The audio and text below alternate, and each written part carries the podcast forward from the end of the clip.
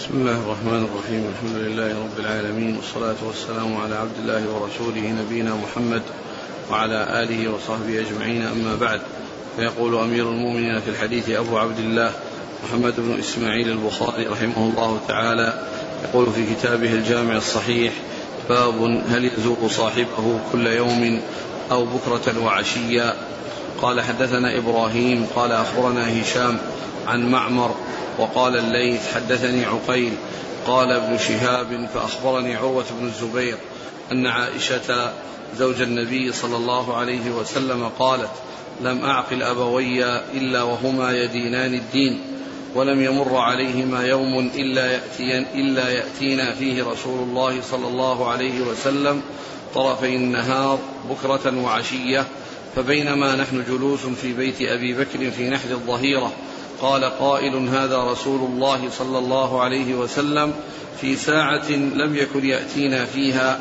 قال أبو بكر ما جاء به في هذه الساعة إلا أمر. قال إني قد أذن لي بالخروج. بسم الله الرحمن الرحيم. الحمد لله رب العالمين وصلى الله وسلم وبارك على عبده ورسوله نبينا محمد وعلى آله وأصحابه أجمعين. أما بعد فهذه من جملة الأبواب المتعلقة بالأدب يعني في صحيح البخاري وقد أورد هذا هذه الترجمة باب هل يزور صاحبه كل يوم وبكرة وعشية. والمقصود من هذا أن الإنسان يزور صاحبه ويزور صديقه على الوجه الذي يعرف أن المزور يسر به فإذا كان يعرف منه أنه يعجبه أن يأتيه كل, كل يوم أو يأتيه يعني صباحا ومساء بأن قال له أو طلب منه أنه يزور في كل وقت أو أنه علم من حاله رغبته في ذلك فإن هذا هو سائر ولا بأس به. وإذا كان يعرف منه عدم آه، الرغبة في تكرار الزيارة أو تتابع الزيارة فإنه يأتي إليه على وجه لا يلحقه فيه مشقة ولا يلحقه فيه مضرة. وأورد حديث عائشة رضي الله عنها أنها قالت لم أعقل أبوي إلا وهما يدين يدينان الدين. يعني ما تعرف عنهم إلا أنهم إلا أنهم أنهما مسلمان. وأنهما داخل وأن لم تعرف عنهما شيئا يعني قبل الإسلام وإنما كل الذي تعرف عنهم أنه كانوا في, حال في, في, في زمن الإسلام وأنها وأنهما مسلمان وأن الرسول صلى الله عليه وسلم يزورهما بكرة وعشية فهذا الذي تعرفه عائشة رضي الله عنها عن أمها وأبيها. وأن الرسول عليه الصلاة والسلام في يوم من الأيام جاءهم في نحر الظهيرة يعني قبل الظهر أو قبل وقت الظهر وأن وأن وأن هذا شيء لم يكن مألوفا ولم يكن معروفا ومجيئه غريب. فقال أبو بكر رضي الله عنه إنه لم يكن أنه ما أتى به في هذا الوقت إلا لأمر يعني لأمر طرأ ولأمر حصل. وأن مجيئه في هذا الوقت على خلاف المعتاد له سبب. ثم أخبره بأنه أذن له بالخروج يعني أذن له بالهجرة أذن له بالهجرة إلى المدينة. الحديث أورده البخاري في مواضع في الهجرة وفي غيرها ولكنه أورده هنا في كتاب الأدب فيما يتعلق بالزيارة وزيارة الإنسان لصاحبه وأن الزيارة تكون على وجه يعني لا لا يكرهه المزور ولا يعني يكون عليه فيه غضاضة بما يعرف من حاله من كونه يطلب من الإنسان يزوره باستمرار أو يعجبه ذلك بحيث يعني يتبين له إذا لقيه وإذا جاء حرصه واحتفائه به وأنه لا يجد شيئا من الثقل ولا شيئا من عدم الارتياح. فهذا فهذا يرجع إلى الصديق والصديق. يعني كل منهم يعرف حال صديقه فيزوره على وجه يعني لا يعني لا يسوءه وذلك بما يعرفه من حاله وإذا كان آه، يعرف من حاله أنه لا يعجبه التكرار فلا يفعل. نعم. قال حدثنا إبراهيم. حدثنا إبراهيم. بن موسى. عن هشام. بن يوسف صناني عن معمر. بن راشد. وقال الليث حدثني عقيل. الليث بن سعد. عقيل بن خالد بن عقيل. عن ابن شهاب عن عروة بن الزبير عن عائشة. نعم والحديث سبق أن مر هذا التعليق الذي ذكره المصنف هنا يعني سبق أن أن أن, أن مر موصولا. نعم. قال رحمه الله تعالى باب الزيارة ومن زار قوما فطعم عندهم. وزار سلمان أبا الدرداء في عهد النبي صلى الله عليه وسلم فأكل عنده. قال حدثنا محمد بن سلام قال أخبرنا عبد الوهاب عن خالد الحذاء عن أنس بن سيرين عن أنس بن مالك رضي الله عنه أن رسول الله صلى الله عليه وسلم زار أهل بيت في الأنصار فطعم عندهم طعاما فلما أراد أن يخرج أمر بمكان من البيت فنضح له على بساط فصلى عليه ودعا لهم. ثم قال باب الزيارة. يعني الترجمة السابقة تكرارها وأنها يعني تكون تتكرر إذا كان يعرف الإنسان من المزور بأنه يعجبه ذلك. وهنا ذكر الزيارة أصل الزيارة والتزاور بين الناس وكون كونه يطعم من من من طعام من زاره أو أن المزور يقدم ما أمكنه من الطعام أو من الشيء الذي يقدم يقدم للزائر. هذا يتعلق بأصل الزيارة ومشروعيتها وأنها سائغة وأن الإخوان يتزاورون والذي قبل ذلك يتعلق بكثرتها يتعلق بكثرتها وكيف يعني الإنسان يكثر منها أو لا يكثر. وأما هنا في الأصل وأيضا مع الأكل إذا قدم له شيء يأكله. يعني لا يعني لا يمتنع من الأكل ف يعني يكون في نفس المقدم للطعام يعني في نفسه شيء لا يكون في نفسه بشيء بشيء بسبب عدم أكله طعامه.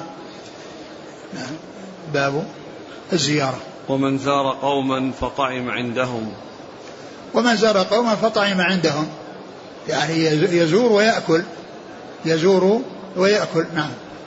وزار سلمان أبا الدرداء في عهد النبي صلى الله عليه وسلم فأكل عنده.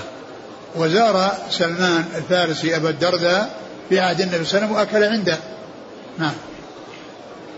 عن أنس قال أن النبي صلى الله عليه وسلم زار أهل بيت في الأنصار فطعم عندهم طعاما فلما أراد أن يخرج أمر بمكان من البيت فنضح له على بساط فصلى عليه ودعا لهم. ثم ذكر هذا الحديث عن أنس أن النبي صلى الله عليه وسلم زار أهل بيت من الأنصار وأكل عندهم طعاما ولما أراد أن يخرج يعني صلى يعني لهم أو صلى بهم في مكان يعني على حصير أو على بساط قد قد فنضح له على بساط. نضح يعني نضح الماء. يعني نضح الماء على البساط أو على الفراش الذي أراد أن يصلي عليه عليه الصلاة والسلام. وهذا يدل على مشروعية الزيارة. وعلى أيضا الأكل عند المزور نعم. قال حدثنا محمد بن سلام نعم. عن عبد الوهاب بن عبد المجيد الثقفي. عن خالد الحذاء عن نعم. أنس بن سيرين عن أنس بن مالك. نعم. قال رحمه الله تعالى باب من تجمل للوفود. قال حدثنا عبد الله بن محمد قال حدثنا عبد الصمد قال حدثني أبي قال حدثنا قال حدثني يحيى بن أبي إسحاق. قال قال لي سالم بن عبد الله من استبرق؟ قلت ما غلظ من الديباج وخشن منه. قال سمعت عبد الله رضي الله عنه يقول رأى عمر رضي الله عنه على رجل حلة من استبرق فأتى بها النبي صلى الله عليه وسلم فقال يا رسول الله اشتري هذه فالبسها لوفد الناس إذا قدموا عليك. فقال إنما يلبس الحرير من لا خلاق له فمضى في ذلك ما مضى ثم إن النبي صلى الله عليه وسلم بعث إليه بحلة فأتى بها النبي صلى الله عليه وسلم فقال بعثت إلي بهذه وقد قلت في مثلها ما قلت قال إنما بعثت إليك لتصيب بها مالا. فكان ابن عمر يكره العلم في الثوب لهذا الحديث. ثم قال تجمل للوفود. يعني الوفود الذين يفدون على الوالي يعني آه، يتجمل لهم ويكون على هيئة حسنة. والحديث يتعلق بالتجمل للجمعة وللوفود وقد سبق أن مر يعني في في الجمعة والتجمل لها. وذكر الحديث نفسه وأورده هنا وذكر فيه ذكر تجمل الوفود فقط. وهو مشتمل على التجمل الوفود وغير الوفود أي الجمعة الذي سبق أن مر. ف آه، آه، بهذه الترجمة وساق هذا الحديث في قصة عمر رضي الله عنه وأنه رأى حلة, حلة تباع من استبرق وأن الرسول عليه الصلاة وأنه عرضها على الرسول وأن أشار على الرسول عليه السلام أن يشتريها وأن يلبسها الوفود وللتجمل يوم الجمعة. فقال عليه الصلاة والسلام إنما يلبس هذه من لا خلق له في الآخرة. يعني الحرير لا يجوز لبسه للمسلمين وإنما يعني يلبسونه في الآخرة ولا يلبسونه في الدنيا. إنما يلبسه من لا خلق له. فالرسول عليه الصلاة والسلام ما أنكر عليه ذكر التجمل وإنما أنكر عليه الشيء الذي هو حرام وهو استعمال الحرير ولبس الحرير يعني للرجال فلم ينكر عليه ما يتعلق بالتجمل أصلا وإنما أنكر عليه ما يتعلق بلبس الحرير. ثم إنه مضى وقت وجاء للنبي صلى الله عليه وسلم حلل يعني من حرير وأنه أرسل إلى عمر حلة منها فجاء إليه وقال له إنك قلت في الحلة في مثلها فيما مضى أنها لا يلبسها إلا من لا خلاق له وأنك وأن هذه مثلها. ففيه يعني يعني تنبيه نبه النبي صلى الله عليه وسلم إلى شيء يخشى أن يكون يعني حصل أمر أو أنه يعني حصل نسخ أو أنه حصل يعني نسيان أو ما إلى ذلك فأخبره النبي صلى الله عليه وسلم إنه لم يعطيها إياه ليلبسها وإنما يعطيها أعطاها إياه ليصيب بها مالا يعني يبيعها ويستفيد بثمنها. يبيعها ويستفيد من ثمنها ويبيعها على من على يعني لاستعمالها ممن يسوغ له الاستعمال. والاستعمال الحرير إنما يجوز للنساء فقط لا يجوز للرجال. كما قال عليه الصلاة والسلام أخذ ذهبا وفضة وقال هذان حرام على ذكور أمتي حل لإناثها. فقال لتصيب بها مالا يعني فدل هذا على انسان يعني كونه يقتني الشيء الذي لا يجوز له استعماله لا بأس به. ولكنه لا يستعمله ويعني يعطيه أو يهبه لمن يستعمله لمن أو يبيعه على على من يستعمله. فالرسول صلى الله عليه وسلم بين أنه اعطاها إياه لا ليلبسها وإنما ليصيب بها مالا يعني ليحصل مالا من من قيمتها. فالحديث أورده هنا من أجل التجمل للوفود وقد أورده في ما مضى فيما يتعلق بالتجمل للجمعة. فكان ابن عمر يكره العلم في الثوب لهذا الحديث وكان ابن عمر لا يرى العلم في الثوب لهذا الحديث لأن الرسول لأن لأن ذكر الحرير يشمل ما كان قليلا وما كان كثيرا لكن جاء ما في السنة ما يدل على أنه لا بأس من استعمال أن يكون فيه يعني في جيبه أو في جهة يعني إصبع أو إصبعين أو ثلاثة أو أربعة. يعني علم أو خط يعني يكون في حاشية في حاشية الجبة أو حاشية يعني الثوب. فإن ذلك جاءت بالسنة. وابن عمر رضي الله عنه لورعه ولاحتياطه كان لا يستعمل الشيء الذي فيه علم من الحرير ولو كان قليلا. وهذا على سبيل الورع. وإلا فإن ثبتت السنة بذلك عن رسول الله صلى الله عليه وسلم والحديث في صحيح مسلم. نعم.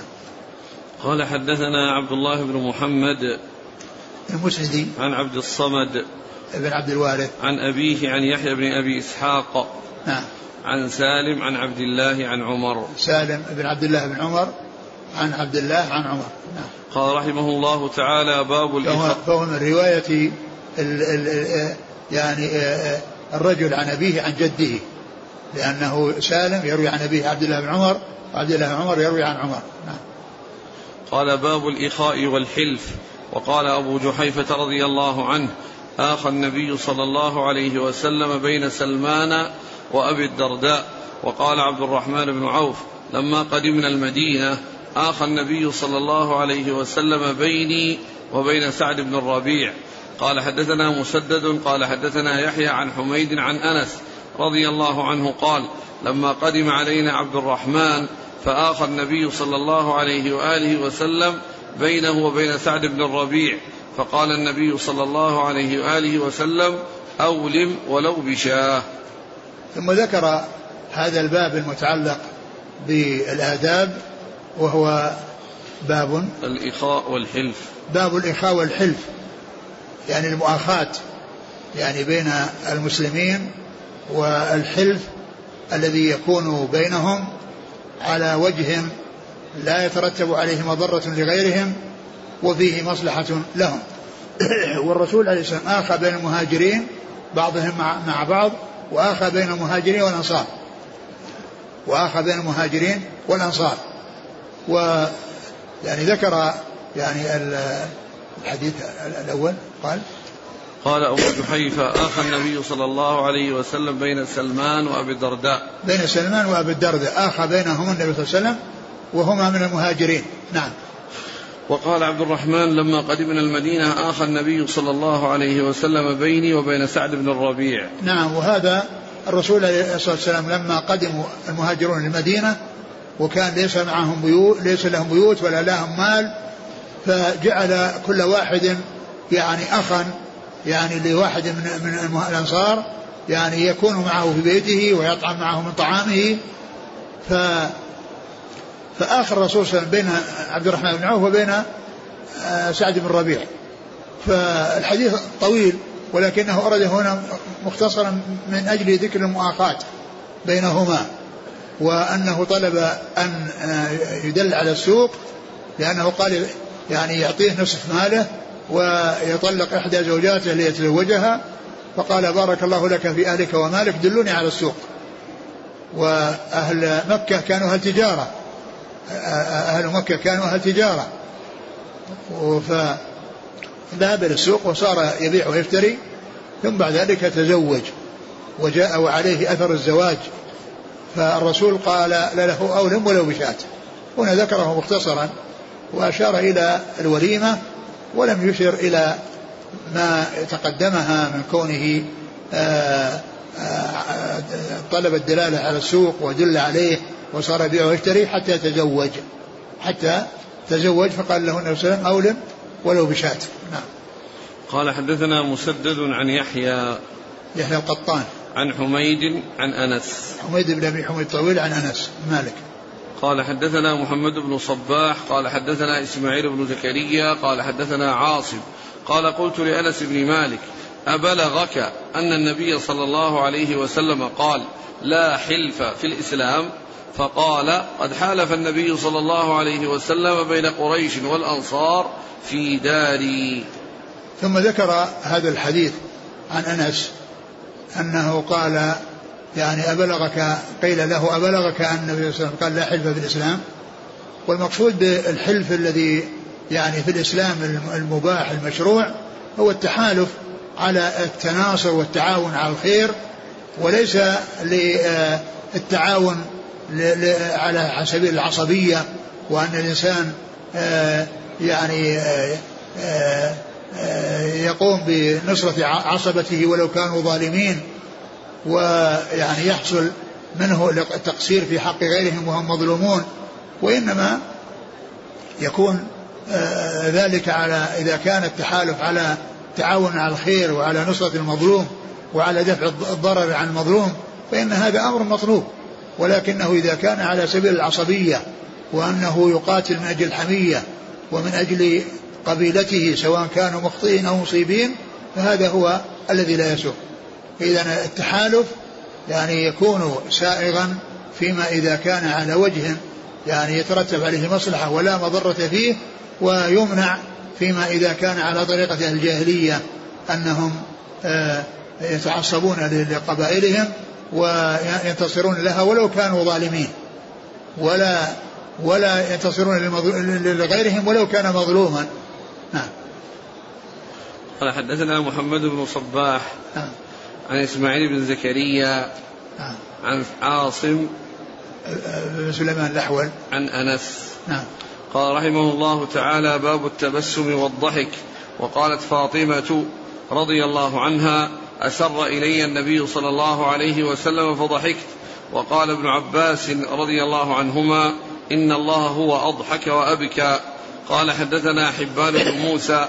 قال أخبرنا عبد الله قال أخبرنا معمر عن الزهري عن عروة عن عائشة رضي الله عنها أن رفاعة القرظي رضي الله عنه طلق امرأته فبت طلاقها فتزوجها بعده عبد الرحمن بن الزبير رضي الله عنه فجاءت النبي صلى الله عليه وسلم فقالت يا رسول الله إنها كانت عند رفاعة فطلقها آخر ثلاث تطليقات فتزوجها بعده عبد الرحمن بن الزبير وإنه والله ما معه يا رسول الله إلا مثل هذه الهدبة لهدبة أخذتها من جلبابها.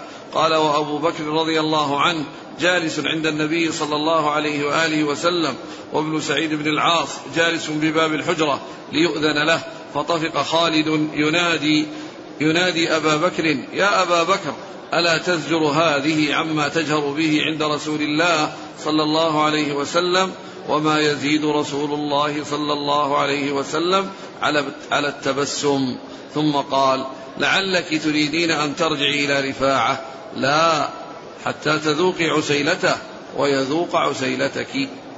ثم ذكر التبسم والضحك وأن من الصفات المحمودة والصفات الحميدة أن يلقى الإنسان غيره بوجه طليق وأن يتبسم. يعني لأن ذلك يدخل السرور على من يلاقيه. يدخل السرور على من يلاقيه. والتبسم هو أول الضحك. يعني ويليه الضحك الذي هو يعني أعلى منه ولكن ليس معه صوت. وإن صار معه صوت فإنه يكون قهقها. يكون قهقها. والتبسم والضحك يعني جاءت سنة في فيهما وجاء ما يدل عليهما في أحاديث عديدة. وأن الرسول صلى الله عليه وسلم كان الغالب عليه التبسم. الغالب عليه التبسم وهو أول الضحك أو مبادئ الضحك الذي يعني يعني ليس فيه يعني توسع في الضحك أو يعني آه، تمكن فيه وإنما هو مبادئ الضحك.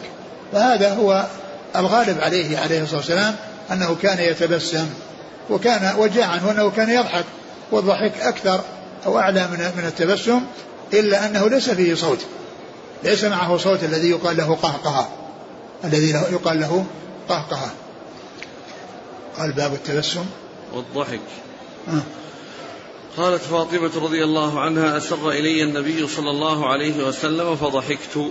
وقالت فاطمة رضي الله عنها أسر أسر إلي النبي صلى الله عليه وسلم فضحكت. وهذا حصل في مرض موته. وقال وقد جاء يعني أنه أخبرها بأنه متوفي أو أنه متوفى من هذه المرض فيعني فحزنت وظهر عليها التأثر ثم أخبرها بأنها أول أهلها لحوقا به. أول أهله لحوقا به فتبسمت وضحكت. يعني سرها يعني سرها ذلك يعني ساءها الخبر الأول وسرها الخبر الثاني. والمقصود أنها تبسمت لما أسر عليها أسر لها بهذا الخبر الذي هو كونها أول أهله لحوقا به. قال هنا عليه السلام. قالت أن نعم. هنا قال قالت فاطمة عليها السلام. قال هنا عليها السلام. المعروف أن الصحابة رضي الله عنهم وأرضاهم يترضى عنهم جميعا. كل واحد يقال رضي الله عنه. ويقال رحمه الله. ولكن الغالب أنه يترضى عنهم. وهذا الذي اشتهر عند أهل السنة عندما يقولون عن الرجل رضي الله عنه يعني يفهم أنه صحابي. يعني في إذا كان في في زمن النبي صلى الله عليه وسلم يعني فإنه يقال له يعتبر صحابي. و والرسل والأنبياء يقال عليهم الصلاة والسلام أو صلى الله عليه وسلم. فهذا يعني الذي يعني يعامل به الأنبياء ويدعى به الأنبياء بأن يصلى ويسلم عليهم. والصحابة يترضى عنهم وغيرهم يترحم عليهم. هذا هو الغالب في الاستعمال الذي جرى عليه السلف ويترحمون عن الصحابة ويترضون على من عن غيرهم. يعني يحصل ترضي لكن الغالب والأصل أن الصلاة والسلام على الأنبياء وترضي للصحابة وترحم على على على على من بعدهم. ويأتي في بعض الكتب عليه, عليه, عليه السلام في بعض في علي وفاطمة وغيرهم من أهل البيت وقال عليه السلام. ذكر ابن كثير رحمه الله في تفسيره عند قول الله عز وجل إن الله وملائكته يصلون على النبي يا أيها الذين آمنوا صلوا عليه وسلموا تسليما. قال اشتهر يعني في بعض الكتب أن يقال في بعض أهل البيت أو في غيرهم عليه السلام. قال وهذا من عمل نساخ الكتب. وليس من المصنفين. هذا من عمل النساخ يعني يأتي وهو ينسخ الكتاب فإذا مر به رجل من أهل البيت قال عليه السلام. فهو من عمل النساخ وليس من عمل المصنفين. ليس من عمل المصنفين. ذكر ذلك ابن كثير عند تفسير هذه الآية من سورة الأحزاب. نعم. وقال ابن عباس إن الله هو أضحك وأبكى. وقال ابن عباس إن الله هو أضحك وأبكى. يعني هو الذي خلق البكاء يعني في, في الإنسان وخلق الضحك. والبكاء يعني آه آه، سائغ يعني من من غير نياحة ومن غير صوت لأن الإنسان يعني يحزن يعني عند آه، يعني يبكي أو يحزن عند التأثر. ويضحك عند السرور. والله تعالى هو الذي أوجد هذا فيه لكن الإنسان لا يجوز له أن يأتي بشيء ممنوع وهو النياحة ورفع الصوت والأعمال الأخرى التي تكون مع مع النياحة من شق الجيوب وحلق الرؤوس وغير ذلك. و والله عز وجل هو الذي خلق الضحك في الإنسان وهو الذي أوجد البكاء يعني في الإنسان. نعم. عن عائشة أن رفاعة القرظي طلق امرأته. ثم ذكر حديث عائشة عن قصة رفاعة القرظي أنه طلق زوجته يعني آخر تطليقات لأن طلقها أولى وثانية ثم طلقها الثالثة. ومعلوم أنها بعد الثالثة لا تحل لزوجها إلا بعد زوج بأن ينكحها نكاح رغبة ويطلقها. فبعد ذلك ترجع إلى زوجها الأول. ترجع إلى زوجها الأول إذا أرادت وأراد. هذه المرأة جاءت إلى الرسول عليه الصلاة والسلام وقالت إن إنها كانت عند رفاعة القرظي وأنه طلقها آخر التطليقات وأنها تزوج بعده عبد الرحمن بن الزبير وأنه ليس معه إلا مثل هذه يعني تشير إلى شيء يعني في ثوبها يعني تقلده.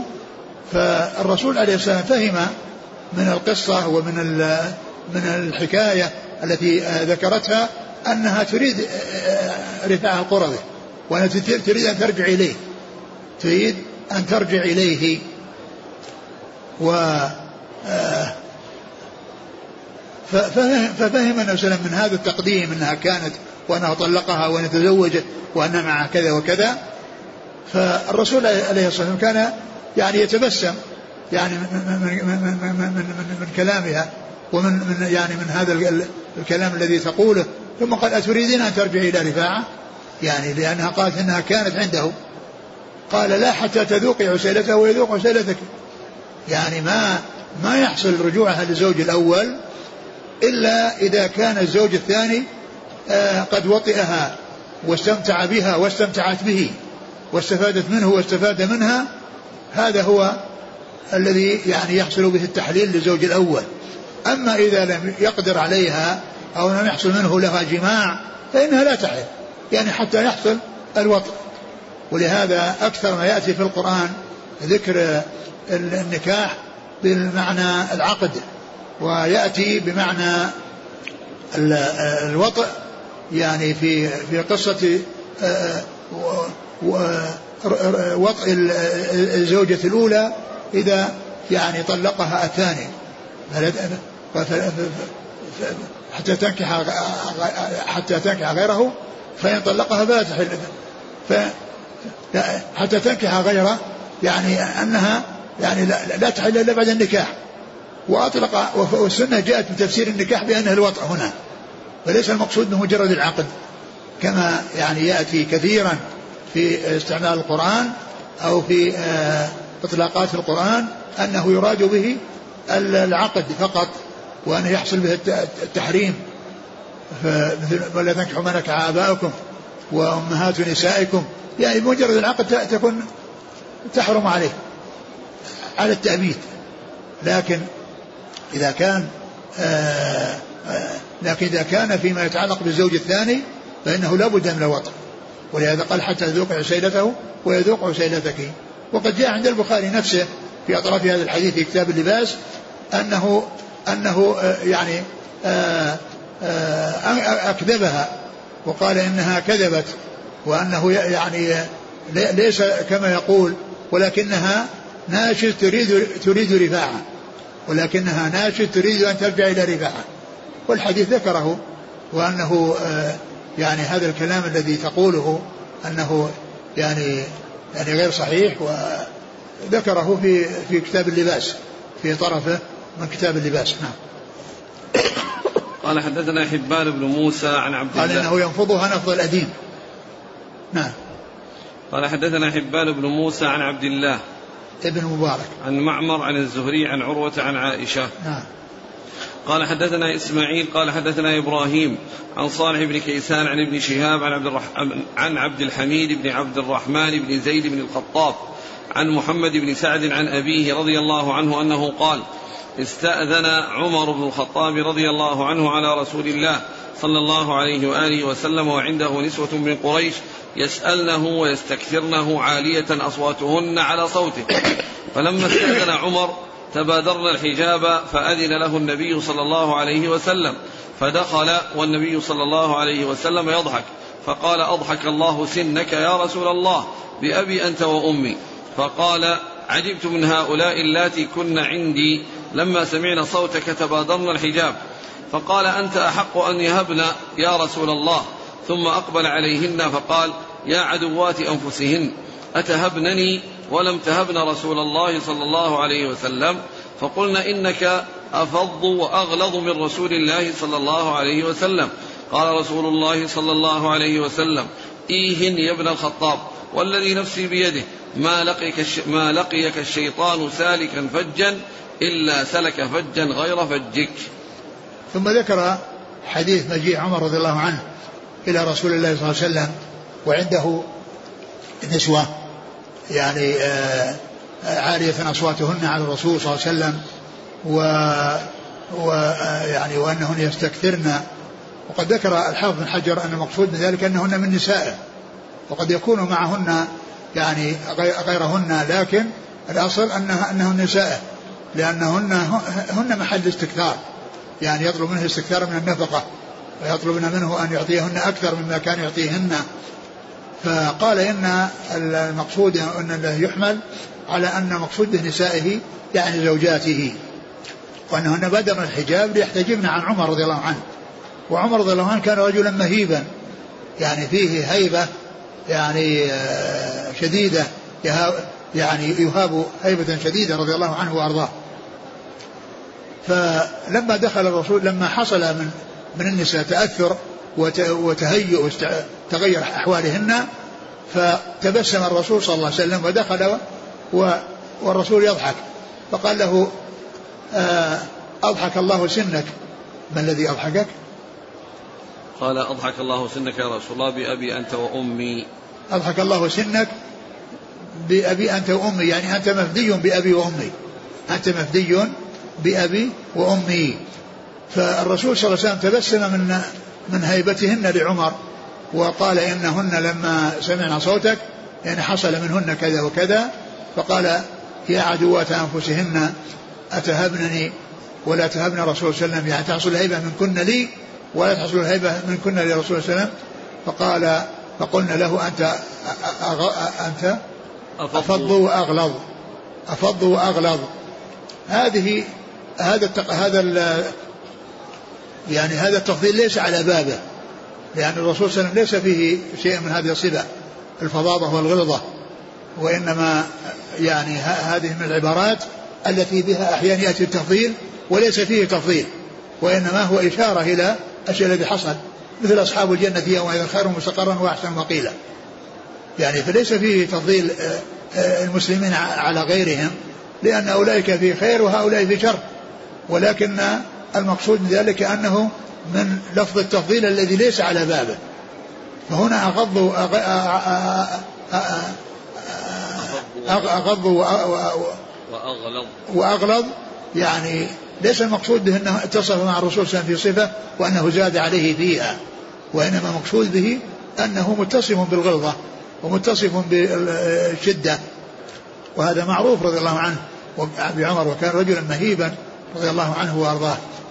ثم آه إن الرسول عليه الصلاة والسلام قال يعني بين منقبة من مناقبه وفضيلة من فضائله قال ما سلك الشيطان فجا ما سلكت فجا إلا وسلك الشيطان فجا غير فج يعني ما سلكت طريقا إلا وهرب الشيطان من ذلك الطريق لأنه لا يريد أن يلقى عمر.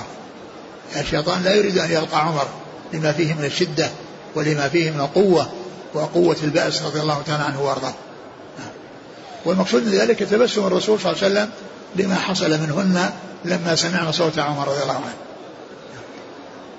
قال حدثنا إسماعيل ابن أبي ويس عن إبراهيم بن سعد عن صالح بن كيسان عن ابن شهاب عن عبد الحميد بن عبد الرحمن بن زيد بن الخطاب نعم. عن محمد بن سعد عن أبيه نعم. قال حدثنا قتيبة بن سعيد قال حدثنا سفيان عن عمرو عن أبي العباس عن عبد الله بن عمرو رضي الله عنهما أنه قال لما كان رسول الله صلى الله عليه وسلم بالطائف قال إنا قافلون غدا إن شاء الله. فقال ناس من أصحاب رسول الله صلى الله عليه وسلم لا نبرح أو نفتحها. فقال النبي صلى الله عليه وسلم فاغدوا على القتال. قال فغدوا فقاتلوهم قتالا شديدا وكثر فيهم الجراحات. فقال رسول الله صلى الله عليه وسلم إنا قافلون غدا إن شاء الله. قال فسكتوا فضحك رسول الله صلى الله عليه وسلم. قال الحميدي نعم. حدثنا سفيان كله بالخبر. ثم ذكر هذا الحديث في قصة يعني حصارهم للطائف يعني يعني يعني في غزوة حنين وأن وأن الرسول عليه الصلاة والسلام لما يعني لما كان معهم مع أصحابه وكانوا حاصروهم مدة فالرسول قال إنا قافلون يعني راجعون. فأرادوا أن أن يحصل القتال وأن يفتحوا يعني يفتحوا تلك البلد التي التي يعني حاصروها. فالرسول صلى الله عليه وسلم قال اغدوا عن القتال. فغدوا عن القتال فأصابهم جراحات لأن هوازن يعني رماة وعندهم يعني معرفة بالحرب وفي القتال. فكثرت فيهم الجراحات. فالرسول عليه الصلاة والسلام قال إنا قافلون غدا إن شاء الله فسكتوا. لأن في الأول كان عندهم نشاط وعندهم لأن ما حصل شيء لهم إلى الآن. فيعني قالوا لا نبرح حتى نفتح. فقال اغدوا على القتال. وفي المرة الأخيرة وفي المرة الثانية لما قال إن قاتلون غدا سكتوا. يعني موافزين على لأن حصل لهم يعني الضرر. فضحك النبي صلى الله عليه وسلم. يعني من كونهم في المرة الأولى عندهم نشاط وأرادوا أن يتقدموا ولما أصابهم الجراح وأصابهم الضرر عند ذلك سكتوا. يعني ما لم يمانعوا وما قالوا إننا نستمر. فتبسم الرسول صلى الله عليه وسلم من صنيعهم. ومحل الشاهد من إيراد الحديث هو التبسم. كون الرسول تبسم. نعم قال حدثنا قتيبة بن سعيد عن سفيان. سفيان بن عيينة. عن عمرو. بن دينار. عن أبي العباس. الشاعر. عن عبد الله بن عمرو. نعم. قال الحميدي حدثنا سفيان كله بالخبر. قال حدثنا سفيان كله بالخبر. قال الحميدي هو شيخ البخاري محمد عبد الله بن الزبير المكي. حدثنا سفيان كله بالخبر يعني أن الإسناد يعني كله بلفظ الأخبار. أخبرني أخبرني أخبرني. لأن الإسناد الأول فيه عن عن فلان عن فلان عن فلان. فأشار إلى أن الطريقة الثانية التي عن طريق الحميدي أنها عن سفيان وأنها بلفظ الإخبار يعني بدل العنعنة التي جاءت في الإسناد الأول. قال حدثنا موسى قال حدثنا إبراهيم قال أخبرنا ابن شهاب عن حميد بن عبد الرحمن أن أبا هريرة رضي الله عنه قال أتى رجل النبي صلى الله عليه وسلم فقال هلكت وقعت على أهلي في رمضان. قال أعتق رقبة. قال ليس لي. قال فصم شهرين متتابعين. قال لا أستطيع. قال فأطعم ستين مسكينا. قال لا أجد. فأتي بعرق فيه تمر. قال إبراهيم العرق المكتل. فقال أين السائل؟ تصدق بها. تصدق بها. قال على أفقر مني. والله ما بين لابتيها أهل بيت أفقر منا. فضحك النبي صلى الله عليه وسلم حتى بدت نواجذه. قال فأنتم إذا ثم ذكر هذا الحديث الذي يتعلق بالمجامع في نهار رمضان وأن عليه الكفارة وهي عتق ثم إذا لم يستطع يأتي بصيام شهرين تابعين وإذا لم يستطع يطعم ستين مسكينا. وهذه كفارة الجماع في رمضان وكفارة الظهار كما جاء في القرآن. فالرسول عليه السلام جاءه رجل وقال إنه حصل منه الوقع على أهله في رمضان فأمره بأن يعتق رقبة قال لا يستطيع. لا يعني لا يجد ما عنده شيء. قال صم شهرين متابعين قال لا يستطيع. قال أطعم ستين مسكينا قال لا أجد. فجلس. ثم إنه أتي الرسول بمكتل يعني يعني زنبيل يعني فيه شيء من الطعام. فقال خذ تصدق به. فقال على أفقر منا يا رسول الله؟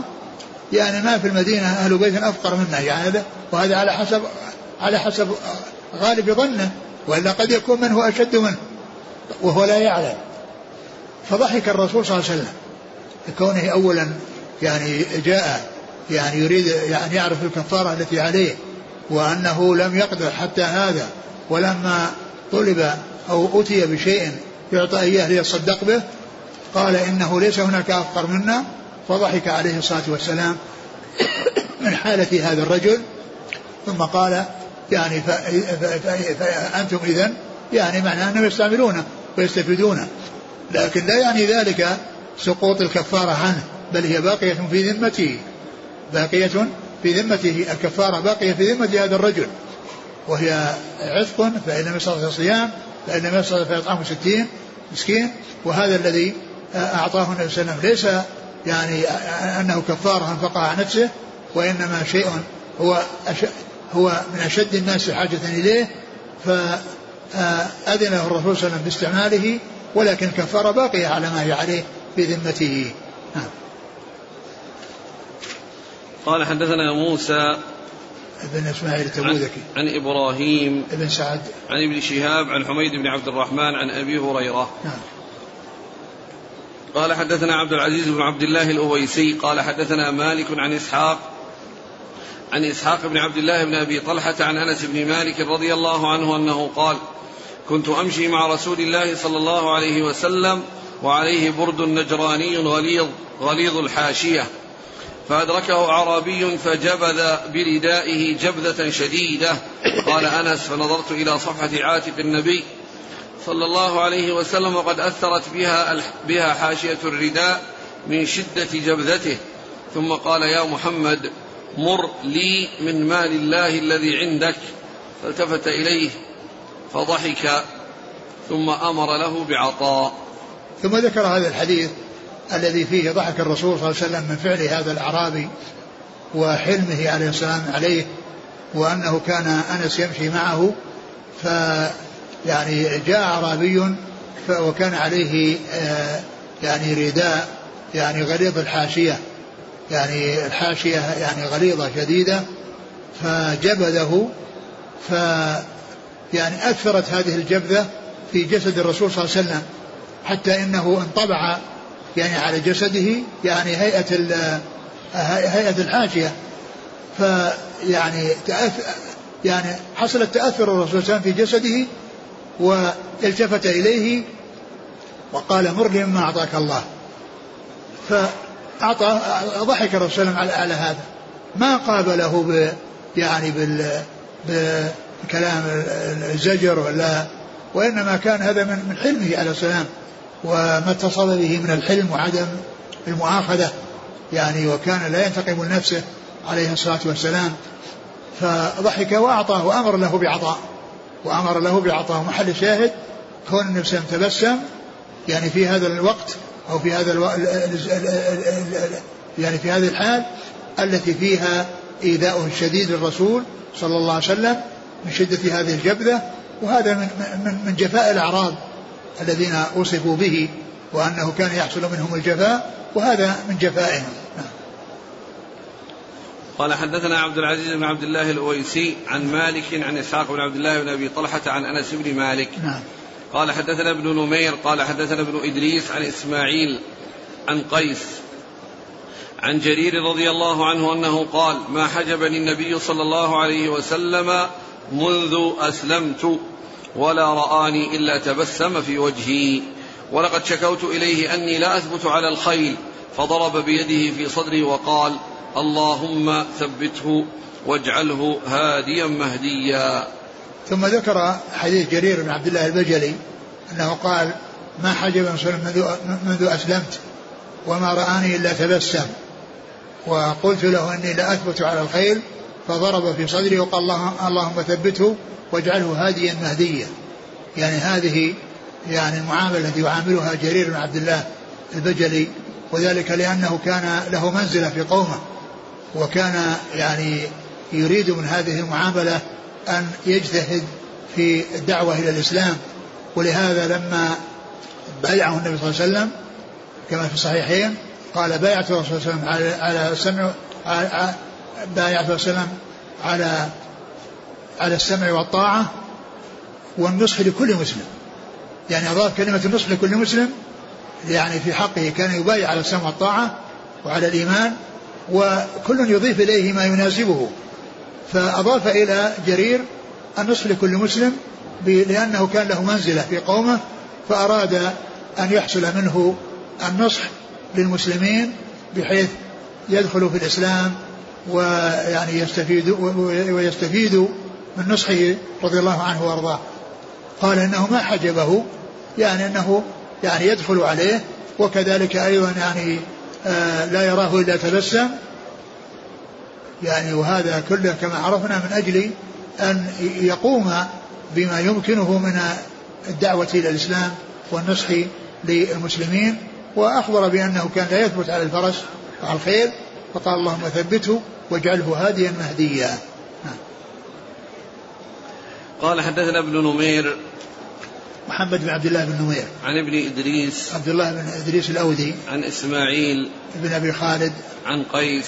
قيس بن أبي حازم. عن جرير. عن جرير بن عبد الله رضي الله قال حدثنا محمد بن المثنى. قال حدثنا يحيى عن هشام. قال أخبرني أبي عن زينب بنت أم سلمة عن أم سلمة أن أم سليم قالت يا رسول الله إن الله لا يستحي من الحق هل على المرأة هل على المرأة غسل إذا احتلمت؟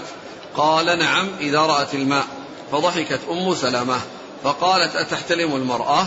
فقال النبي صلى الله عليه وسلم فبما شبه الولد ثم ذكر هذا الحديث عن يعني عن أم سلمة أن أم سليم قالت للنبي صلى الله عليه وسلم هل على المرأة غسل إذا احتلمت؟ قال نعم إذا رأت الماء. فضحكت أم سلمة. والرسول صلى الله عليه وسلم أقرها. يعني المقصود أنها تبسمت وضحكت والرسول أقرها يعني على ذلك. وإنما أنكر عليها يعني قولها أو تحترم المرأة. أنكر يعني عليها كونها تحترم. قال بأي شيء يكون الشبه. يعني الشبه يكون بالأم ويكون بالأب وكل ذلك بسبب الماء. بسبب الذي يكون من الرجل ويكون من المرأة. فمحل الشاهد من إراده هنا ما يتعلق بتبسم أم سلمة أو ضحك أم سلمة وإقرار الرسول صلى الله عليه وسلم إياها وأن التبسم أو الضحك الذي يعني يعني يكون له سبب أنه لا بأس به. قال حدثنا محمد بن المثنى. العنزي. عن يحيى القطان عن هشام بن عروة عن أبي عن أبيه نعم. عن زينب بنت أم سلمة عن أم سلمة نعم. قال حدثنا يحيى بن سليمان قال حدثنا ابن وهب قال أخبرنا عمرو أن أبا النضر حدثه عن سليمان بن يسار عن عائشة رضي الله عنها أنها قالت ما رأيت النبي صلى الله عليه وسلم مستجمعا قط ضاحكا حتى أرى منه لهواته إنما كان يتبسم ثم ذكر هذا الحديث فيما يتعلق بضحكه صلى الله عليه وسلم وأن غالب ضحكه التبسم وأنه قد يحصل منه الضحك الذي هو زائد على مجرد التبسم. وقال ما رأيت نفسا مستجمعا؟ يعني آه، آه، ضاحكا. مستجمعا. قط ضاحكا. نعم. حتى, حتى أرى منه لهواته. لهواته يعني لهواته يعني اللحمة التي يكون في سقف سقف الفم مما يلي الحلق نعم. إنما كان يتبسم. إنما كان يتبسم. يعني هذا هو المعروف من من تبسمه أو من ضحكه أنه التبسم. نعم.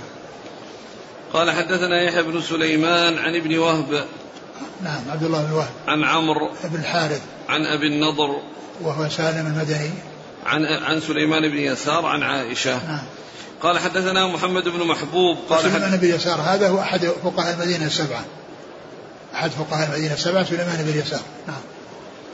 قال حدثنا محمد بن محبوب قال حدثنا أبو عوانة عن قتادة عن أنس.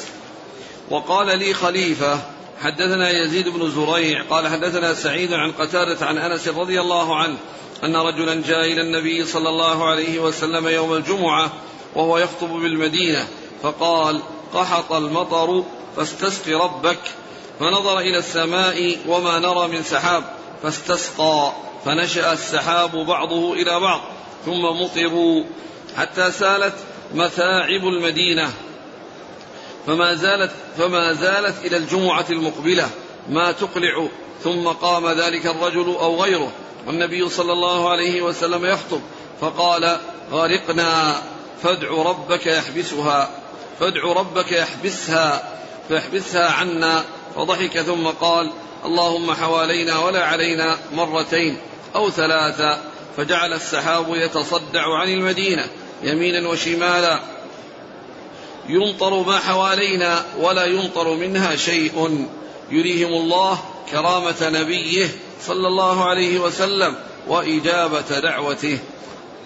ثم ذكر هذا الحديث الذي فيه أن النبي صلى الله عليه وسلم كان يخطب يوم الجمعة فجاءه رجل وقال ادعو الله أن يغيثنا وذكر ما حصل من الضرر وهلاك الأموال فرفع يديه واستسقى وطلب الله السقيا و فيعني حصل وما في المدينة وما في السماء من قزعة يعني ما فيه من سحاب لا قليل ولا كثير. فنشأ السحاب واتصل بعضه بعض حتى أمطر واستمر المطر أسبوعا كاملا. حتى جاءت الجمعة الثانية والمطر يعني ينزل عليهم وقد آه، كثر آه، آه، المطر في المدينة فطلب منه الاستصحاء يعني بأن يحصل الصحو. أو المرة الأولى طلب استسقاء والثانية طلب استصحاء وأن يحصل الصحو. فالرسول عليه الصلاة والسلام بكمال أدبه ولكمال أخلاقه سأل الله عز وجل أن يعني يجعلها حواليهم ولا عليهم.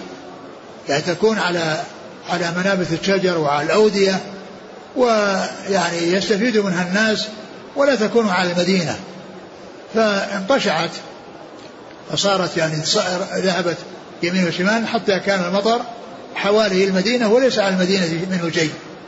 ف يعني قال أن, أن الله يري عباده يعني إكرام نبيه صلى الله عليه وسلم وإجابة دعوته وأنه حصل لهم يعني ما أرادوا وأنه كثر الخير والمطر حتى طلبوا أن أن أن يحصل الصحو لهم بدل ما يحصل الغيم ويحصل مطر على المدينة.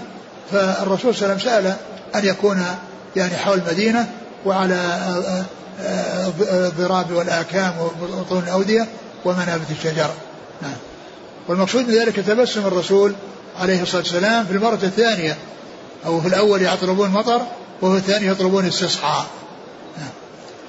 قال حدثنا محمد بن محبوب نعم. عن أبي عوانة الوضاح بن عبد الله اليشكري عن قتادة عن أنس. نعم. قال وقال لي خليفة خليفة بن خياط. عن يزيد بن زريع عن سعيد عن قتادة. سعيد بن أبي عروبة. عن أنس. نعم. قال رحمه الله تعالى باب من كفر أخاه بغير تأويل فهو كما قال. قال حدثنا محمد وأحمد بن سعيد قال حدثنا عثمان بن عمر قال أخبرنا علي بن المبارك عن يحيى بن أبي كثير عن أبي سلمة عن أبي هريرة رضي الله عنه أن رسول الله صلى الله عليه وسلم قال إذا قال الرجل لأخيه يا كافر فقد باء به أحدهما. وقال عكرمة بن عمار عن يحيى عن عبد الله بن يزيد أنه سمع أبا سلمة أنه سمع أبا هريرة رضي الله عنه عن النبي صلى الله عليه وسلم. فقال باب من أكفر أخاه بغير تأويل. فهو, فهو كما قال. فهو كما قال. يعني أن الإنسان لا يجوز له أن يكفر أخاه. وأنه إذا كفره وقال إنه كافر فإنه يبوء بها أحدهما. إن كان ذلك كافرا أو أنه من أهل الكفر فإنه يعني يكون كما قال. وإلا فإنه يعني آه يعني فإنه يبوء بها بها أحدهما. إن كان ذاك يعني آه الذي هو الذي الذي كفر يعني فيلحقه تبعاته. وإن لم يكن وإن كان سليما فإنها ترجع وتبعاتها ترجع إلى المكفر الذي أقدم على التكفير وهو لا يجوز له أن يكفر. فقد باء بها أحدهما. يعني أن آه، الإثم والنتيجة والتبعة المترتبة إما أن تكون للذي قاله أو الذي آه، وصفه بأنه كافر وإلا رجعت إلى صاحبها الذي قالها لكنه لا يكون كافرا يعني خارجا من الملة وإنما يحصل الإثم يعني في ذلك. نعم. قال حدثنا محمد محمد وأحمد بن سعيد. محمد بن الذهلي وأحمد بن سعيد الدارمي عن عثمان بن عمر ها. العبدي قال عن علي بن المبارك ها. الهنائي عن يحيى بن أبي كثير اليمامي عن أبي سلمة عن أبي هريرة. وقال عكرمة بن عمار عن يحيى يحيى بن أبي كثير عن عبد الله بن يزيد نعم نعم نعم. المدني أنه سمع أبا سلمة أنه سمع أبا هريرة يعني ذكر واسطة يحيى يحيى بن أبي يزيد. عبد الله بن يزيد. عبد الله بن يزيد نعم. قال رحمه الله تعالى باب الانبساط إلى الناس. وقال ابن مسعود رضي الله عنهما رضي الله عنه خالط الناس ودينك لا تك لا تك لا تكلمنه والدعابة مع الأهل. قال حدثنا آدم قال حدثنا شعبة قال حدثنا أبو التياح قال سمعت أنس بن مالك رضي الله عنه يقول إن كان النبي صلى الله عليه وسلم ليخالطنا حتى يقول لأخ لي صغير يا أبا عمير ما فعل النغير. ثم قال باب الانبساط مع الناس. إلى الناس. الانبساط إلى الناس والدعابة مع الأهل. ذكر يعني مقصود مقصود من الترجمة أن أن ال ال ال ال الإنسان يعني ينبسط من الناس ويعني يحصل منه المزح الذي ليس بمحذور ولكن لا يتعرض لدينه وحصول النقص في دينه. ولهذا ذكر هذا الأثر عن مسعود أنه قال خالط الناس ودينك لا تكلمنه. يعني لا تجرحه. يعني لا تجرح دينك.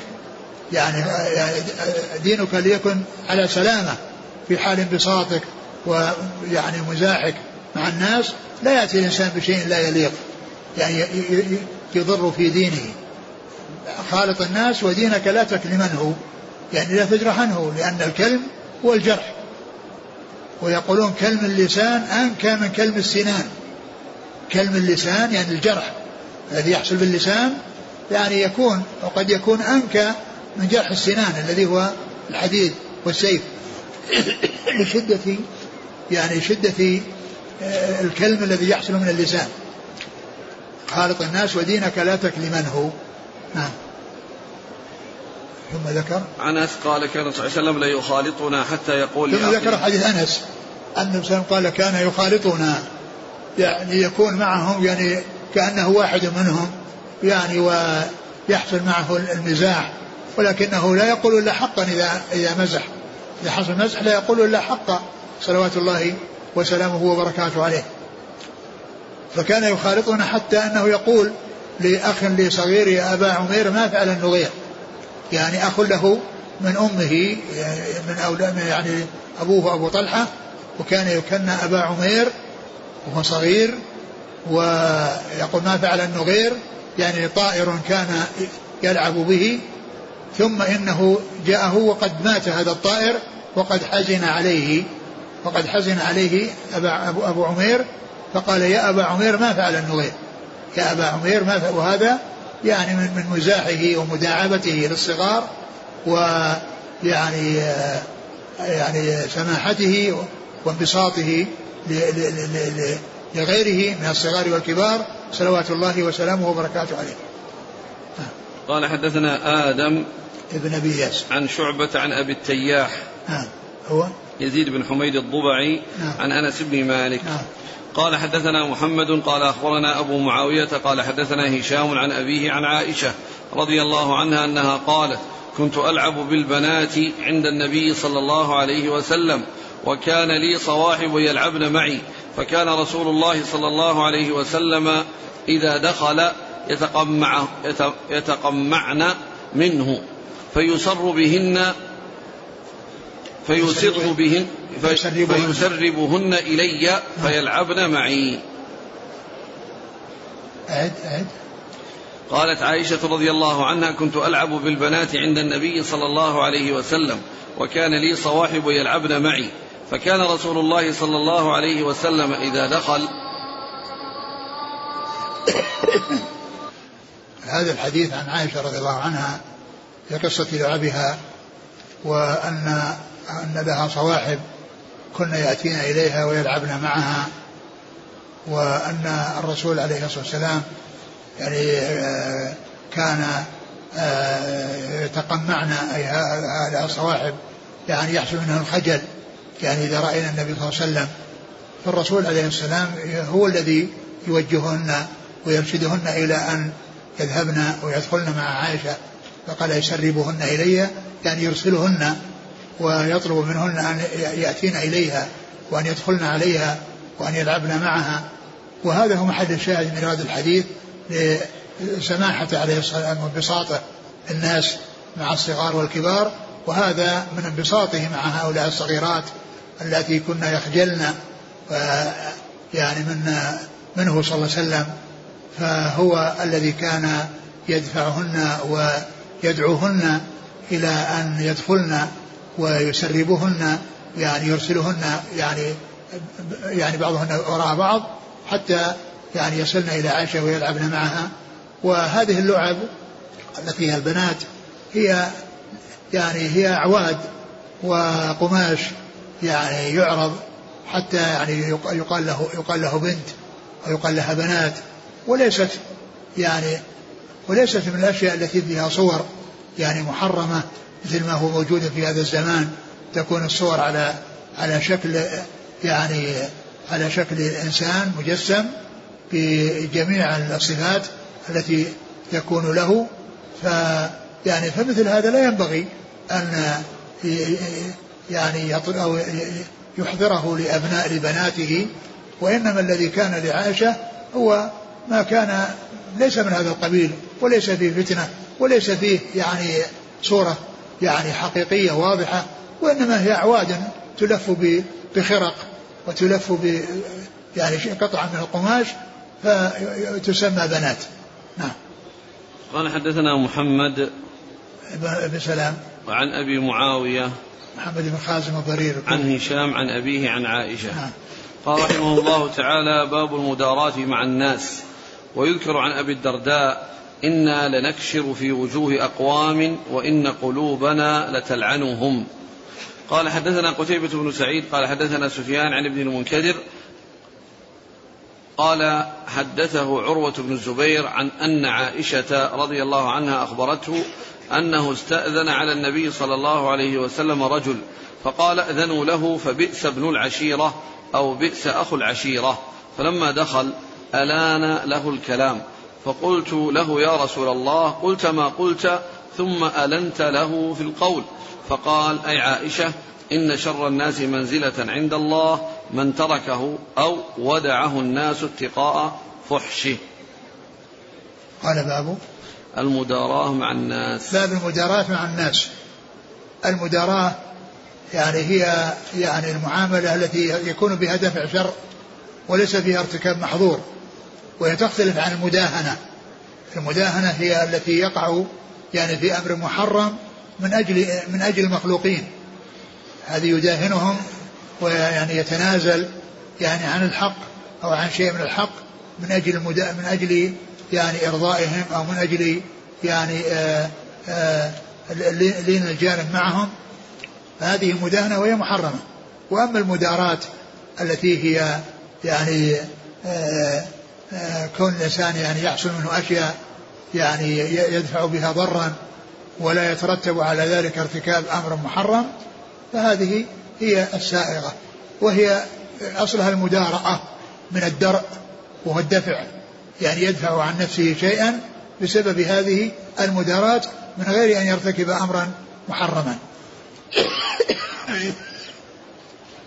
ثم ذكر هذا الأثر عن أبي الدرداء. عن أبي الدرداء. قال إنا كنا لا. لنكشر في وجوه أقوام وإن قلوبنا نكشر في, وجوه أقدام يعني أنهم يعني يعني يظهر منهم التبسم أو يظهر منهم يعني شيء يعني آه، في معاملتهم مع أنهم يكرهونهم وقلوبهم تكرههم. يعني يكشرون يعني أن يحصل منهم التبسم وهذا من أجل المداراة. يعني من أجل المداراة ودفع الضرر عنهم بسبب ما يتصف به هذا المدارة يتصف به هذا المدارة وإن قلوبنا تلعنهم يعني معناه أنهم يكرهونهم. ويعني ويختلف الظاهر مع الباطن ولكنه ذلك يحصل من أجل دفع الضرر. ثم ذكر الحديث. عائشة أستأذن رجل؟ فقال نعم أذنوا أستأذن رجل. إلى الرسول صلى الله عليه وسلم فعرف صوته فقال ائذنوا له بئس العشيرة. ائذنوا له بئس العشيرة يعني كيف بئس العشيرة هذا ذم له. فلما يعني دخل عليه ألان له الكلام. يعني صار الكلام معه يختلف عن الكلام الأول لأن ذاك يقتضي أنه يشتد معه والذي حصل منه لين الكلام معه. فسألته عن ذلك فيما بعد فقال إن شر الناس من تركه الناس أو ودعه الناس اتقاء شره. يعني أن كون الناس يعني يعاملونه معاملة من أجل أن يسلموا من شره هذا شر الناس. نعم. قال حدثنا قتيبة بن سعيد عن سفيان بن عيينة. عن ابن المنكدر. نعم نعم محمد بن المنكدر. عن عروة عن عائشة. نعم. قال حدثنا عبد الله بن عبد الوهاب. قال أخبرنا ابن علية قال أخبرنا أيوب عن عبد الله بن أبي مليكة. أن النبي صلى الله عليه وسلم أهديت له أقبية من ديباج مزررة بالذهب فقسمها في ناس من أصحابه وعزل منها واحدا لمخرمة. فلما جاء قال خبأت هذا لك. قال أيوب بثوبه أنه يريه إياه وكان في خلقه شيء. رواه حماد بن زيد عن أيوب وقال حاتم بن وردان حدثنا أيوب عن ابن أبي مليكة عن المسور قال قدمت قال قدمت على النبي صلى الله عليه وسلم أقبية. آه ثم ذكر يعني هذا الحديث المتعلق بالأقبية التي وصلت إلى النبي صلى الله عليه وسلم. والأقبية هي ألبسة يعني ضيقة يعني يقال أنها من لباس العجم. و وذكر هذه الأقبية وأنها يعني مزررة بذهب. و وهي من من ديباج من ديباج. نعم أقبية من ديباج, من ديباج مزررة بالذهب. مزررة بالذهب. وكان وزعها وبقي واحد تركه من أجل مخرمة. وذلك أن مخرمة يعني عنده شدة وعنده في خلقه يعني شيء كما جاء في الحديث. يعني فالرسول صلى الله عليه وسلم أراد أن يعطيه يعني منها يعني حتى لا يحصل منه كلام يعني لا ينبغي. ف وهذا محل الشاهد يعني كونه يعني داراه ويعني ويعرف يعني ما في في يعني ما في في خلقه من الشدة فأراد أن يعني يدخر له هذا الشيء ويعطيه إياه. صلوات الله وسلامه وبركاته عليه. وهذا من المداراة نعم. قال حدثنا عبد الله بن عبد الوهاب نعم. عن ابن علية إسماعيل بن إبراهيم بن علية. عن أيوب بن أبي تميمة. عن عبد الله بن أبي مليكة. نعم. قال وحدثنا قال وقال حاتم بن وردان نعم. عن أيوب عن ابن أبي مليكة عن المسور. نعم. قال رحمه الله تعالى باب لا يلدغ المؤمن من جحر مرتين. وقال معاوية لا حكيم إلا ذو تجربة. قال حدثنا قتيبة قال حدثنا الليث عن عقيل عن الزهري عن ابن المسيب عن أبي هريرة رضي الله عنه.